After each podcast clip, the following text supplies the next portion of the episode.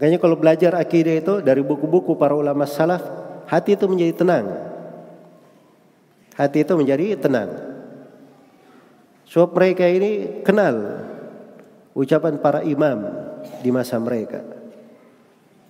Orang yang menghafal hadith-hadith Nabi Shallallahu Alaihi Wasallam dengan berbagai jalur dan riwayatnya. Jadi tenang hati itu.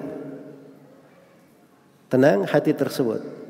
Yang menjadi masalah sebagian manusia di masa sekarang mewajibkan orang belajar akidah dari orang-orang belakangan. Iya. Katanya tidak syah belajar akidah kecuali dari akidah syariah. Dari mana omong kosong itu? Abdul Hasan al-Ash'ari sendiri baru lahir belakangan. Baru lahir belakangan setelah para imam ini. Kemudian Abu Hasan al Ashari sendiri, guru-gurunya dihitung pakai jari. Guru-gurunya dihitung pakai jari. Itu pun dia lepaskan madhab Mu'tazila 40 tahun setelah ketemu dengan seorang ahlul bid'ah lain.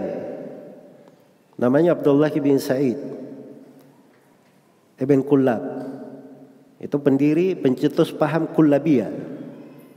Setelah itu Abu Hasan al-Ash'ari ketemu dengan salah seorang dari ulama madhab Hambali yang mengambil akidah dari Imam Ahmad, dari jalur Imam Ahmad rahimahullah. Ketemu dengan As-Saji. Nah, baru dia kembali rujuk ke madhab salaf. Jadi kalau mau dibandingkan dengan Imam Qutaibah dalam pembahasan akidah, Abdul Hasan al-Ash'ari itu itu dianggap orang yang belajar sedikit tentang akidah. Ya, ini Imam Qutaibah berjumpa dengan ratusan ulama dan beliau hafal ribuan ucapan ulama sebelumnya. Ini beliau nukil kesepakatan. Ini baru benar orang belajar akidah. Jadi belajar akidah itu sebenarnya begini caranya. Bukan belajar dari akidah orang-orang belakangan. Dan di masa sekarang akidah itu itu dimasukkan ke dalam pembahasan filsafat.